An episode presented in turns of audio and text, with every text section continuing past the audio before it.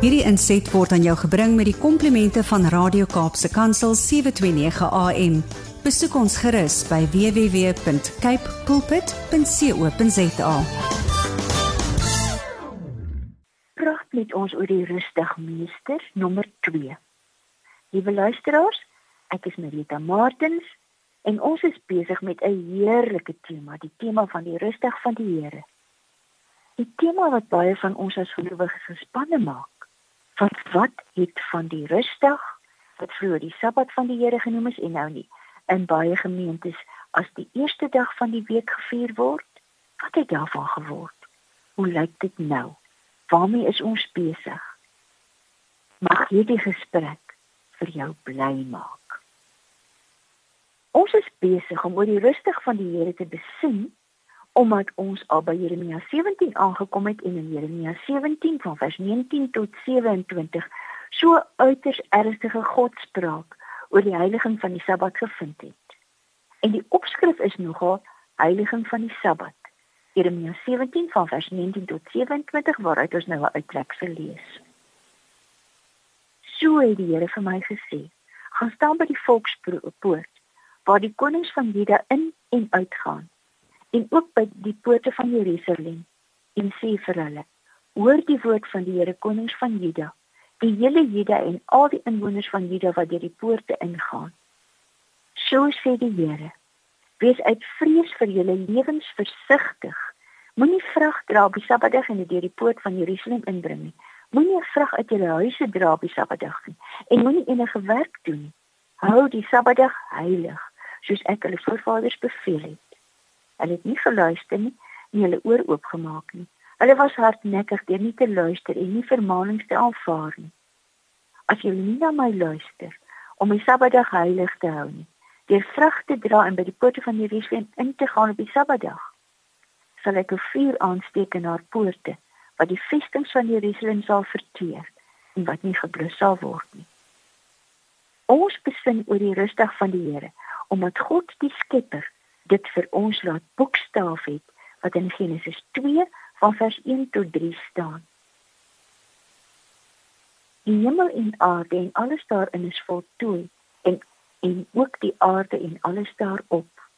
Op die sewende dag was God reeds klaar met die skepingswerk en het hy gerus na al die werk wat hy gedoen het. Kan die uniekheid van God se eie rustig duideliker verwoord word as in Genesis 2 vers 3? God het die sewende dag geseën. Hy het dit heilig verklaar, want op die dag het hy gerus van al sy werk, dit wat God geskep het, deur dit te maak. In die siklus van die sewe dag week, wat van die begin af so deur God gewille selfs voor die sondeval, het God een dag as die geseënde dag verklaar.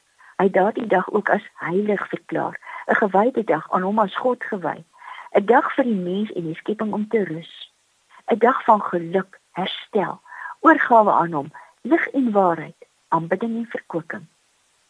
Die belangrikheid van rus in sy teenwoordigheid, die simboliek daarvan, die getuieniskrag daarvan, sou een van die hooftemas in die hele skrif word.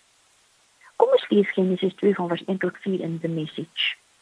Even and earth were finished down to the last detail by the seventh day. God had finished his work. On the seventh day, He rested from all his work. God blessed the seventh day. He made it a holy day because on that day he rested from his work. All the creating God had done. Albert Barnes skryf. God blessed the seventh day. Blessing results in the bestowment of some good on the object blessed.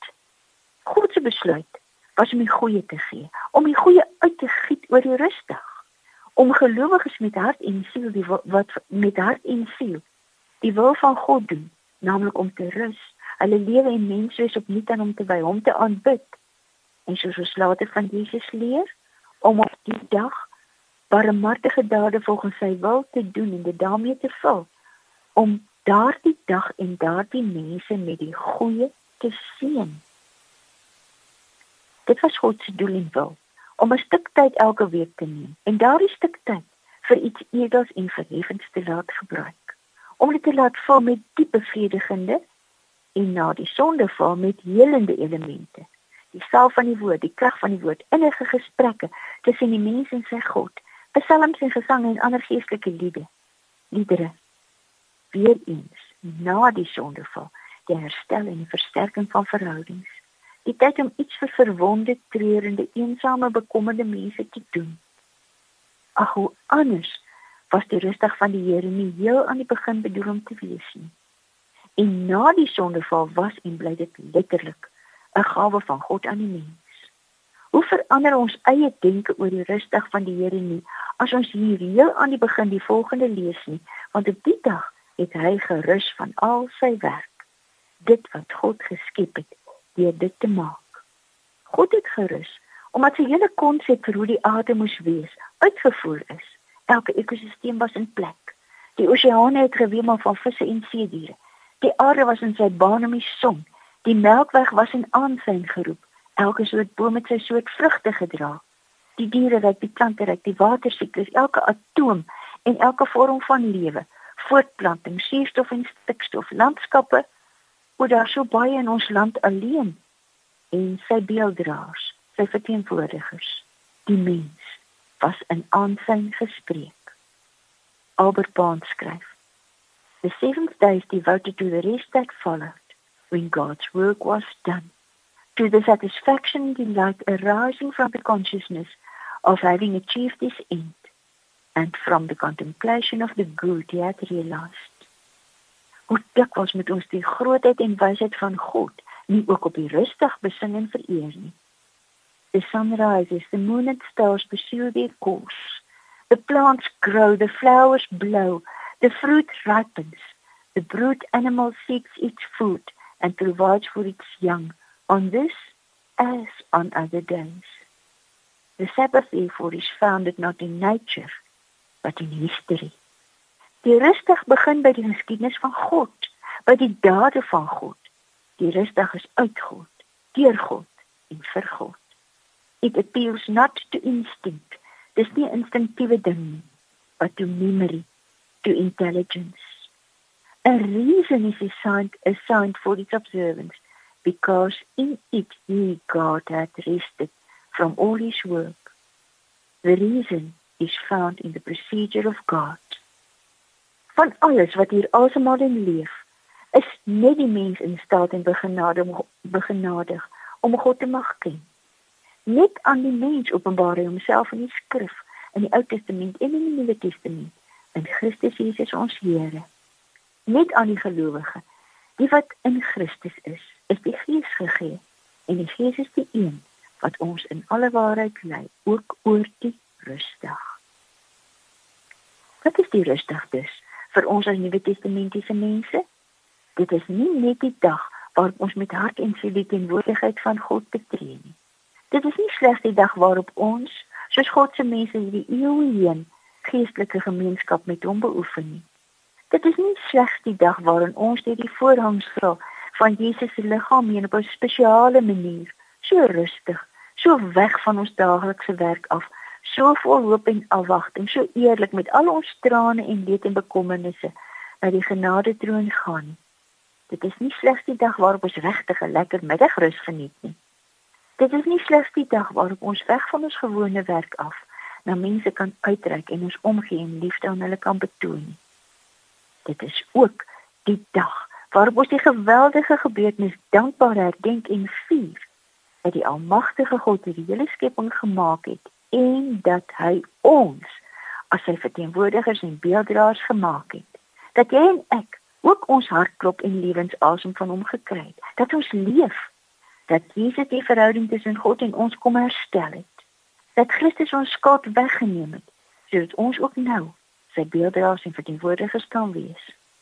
Daar's geen groter feesdag as die rustig van die Here nie, skryf Albert Barnes, want dit is die dag uit God, deur God, vir God. Dit is die viering van sy grootheid en wysheid, die viering van menswees, die viering van die heerlikheid van al sy werke. Dit is die dag waarop ons ons herstelde verhouding met God in Christus vier. Albert Barnes skryf, "This raises the Sabbath above all human commemorative festivals and imparts to it, to its joys, and to its modes of expressing them, a height of sacredness and a force of obligation which cannot belong to any mere human arrangement. Kom ons lees Psalm 118 nou. Teen hierdie agtergrond, want ons het nou oor die rustig van die Here gepraat. Psalm 118 vers 24. Dit is die dag wat die Here gemaak het. Laat ons daaroor juig en bly wees. 2020 en ons in Hom verheug. Red tog Here, gee tog voorspoed Here. 2020. Ag Here, verlos ons tog. Ag Here, gee tog voorspoed. Prys Hom wat in die naam van die Here kom. Dis mos Jesus. Dit in 2020 vertaling gesien te hy wat kom in die naam van die Here. Ons sien julle uit die huis van die Here. Die Here is goed. Hy skenk ons die lewe. 2020 vertaling. Hy het vir ons 'n lig laat skyn. Begin die fees. Wyf met takke gaan tot by die horings van die altaar. 2020 vertaling. Voer met gevlegte takke die kringdans uit tot by die horings van die altaar. Dis my God. Ek wil U loof my God. U grootheid wil ek besing. 2020 vertaling is my God en ek prys U. My God, ek wil U verheerlik. Loof, prys die Here want hy is goed. Aan sy liefde het daar geen einde nie. 2020 vertaling. Ja, vir ewig deur sy troue liefde. En dit is alreeds die grootste rede om rustig aan hom te wy nie. Die Here seën u. Amen.